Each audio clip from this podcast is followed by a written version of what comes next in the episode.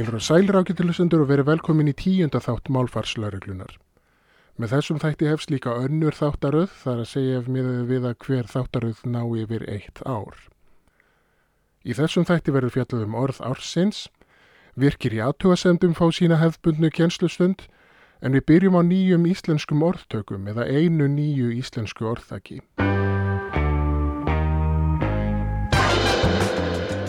Íslensk orðtök eru skemmtileg. Þau auka blæbriði málsins og gera það litríkara, en til að geta nota þau er gott að vita hvað stendur á bakvið þau. Mörg vel þekkt íslensk orðtök eru uppbrunnin í atvinnuháttum sem tíðkuðust á Íslandi allt framdyr þar síðustu aldamót. Menn láta til dæmis vaða á súðum, sitja við sinn keip, láta reka á reyðanum, fara ekki gravgötur með einhvað, fara á fjörutnar við einhvern og hafa bæði tökl og haldir. Þessi orðtök sem ég nefndi eru ættuð úr sjósókn og landbúnaði. Eftir því sem færi Íslendingar stunda þessar atvinnugreinar og gamlir atvinnuhættir hverfa þá missa þessi orðtök smám saman merkingu sína og menn rugglast jafnvel á þeim. Við búum ekki lengur í landbúnaðar og sjávarútveg samfélagi og því er eðlilegt að merkingin týnist. Við megum samt ekki leggja árar í bát, heldur verðum við að róa öllum árum að því að fræða almenning og koma til kynnslöður um merkingu gamalla orðtaka og upprunna þeirra svo að merking þeirra fari ekki í forgörðum. Því það er alltaf gott að geta brúði fyrir sig góðum orðtökum til að krytta málið. Og svo maður líka búa til ný orðtök. Á dögunum rækst ég til dæmis orðtakið kasta eða henda inn handklæðinu. Það er frekar nýlega tilkomið inn í íslensku. Elsta dæmið sem ég fann var með aðstofæðsins tímarit.is. Þar eru elstu dæminum orðtakið frá því í november 2002 en nótkunn þess var á flugárin 2016 og 2017 eftir því sem Google frændi segir. Engum hefur það verið notið í íþróttafréttum en það hefur upp sér til rúms á öðrum vettvangi til dæmis í fréttum um stjórnarmyndanir og um breytingar á lífsviðu væri áhrifavalda á samfélagsmiðlum. En sem sagt, að kasta inn handklæðinu er bein þýðingur enska orðtækinu throw in the towel og því þeir að gefast upp þegar maður er komin í vonlisa stöðu og ekkert býður manns nema ósigur.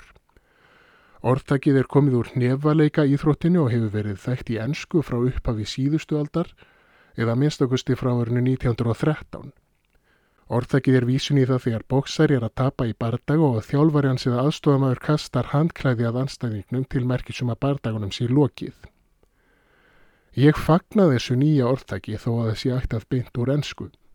Þetta er góð viðbót við orðtakaflórna sem þegar er til í íslensku Við megum ekki kasta inn handklæðinu og hætta að nota orðtök þó að með gleimi ef til vill merkingu þeirra eftir því sem atvinnættir breytast. Þetta sínir að íslenskan er ekki bara búin til og framlit af sérfræðingum og skrifstofum heldur tökum við öll þátt í að móta hana og skapa. Næst á dagskráð er svo að búa til íslensk orðtök frá grunni en ekki bara þýðu upp úr ennsku. Ég hvet hlustendur hér með til að búa til og taka upp nýju orðtök eftir þörfum til að bræðbæta tungum og gera það líflegra.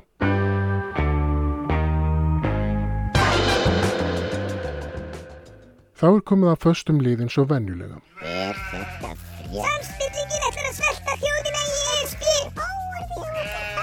Leggjum niður þetta rúf og horfið hvort sem er engin á Dæmið er fyrir sjálfgræðisflokkin og framabótaraflokkin. Aldraðir og örnega múslima pakk heim til sín. Þetta og fjölmenninga Verð ekki samfélagi. svona heimsku. Ég fann ekki krænja. Verðum að fá Davíð aftur. Ókeipis ráð til virkra í aðtöðasendum. Áður fyrir í íslensku var gerður greinarmunur á framburði á í og uppsílun.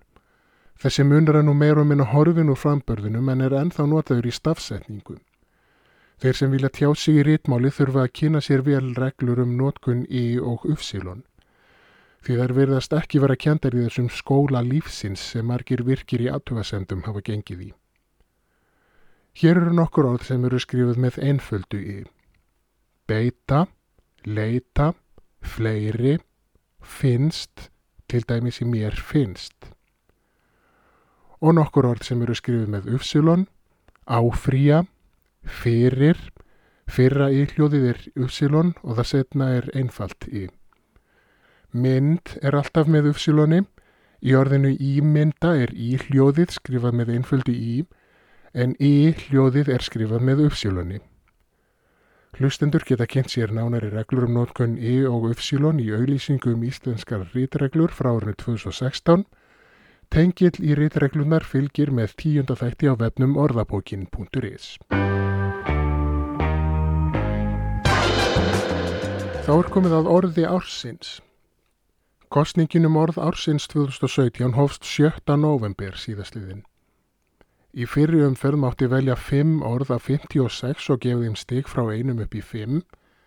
523 atkvæði bárust í fyrri umferðinni. 10 stigahæstu orðin komist áfram í aðra umferð.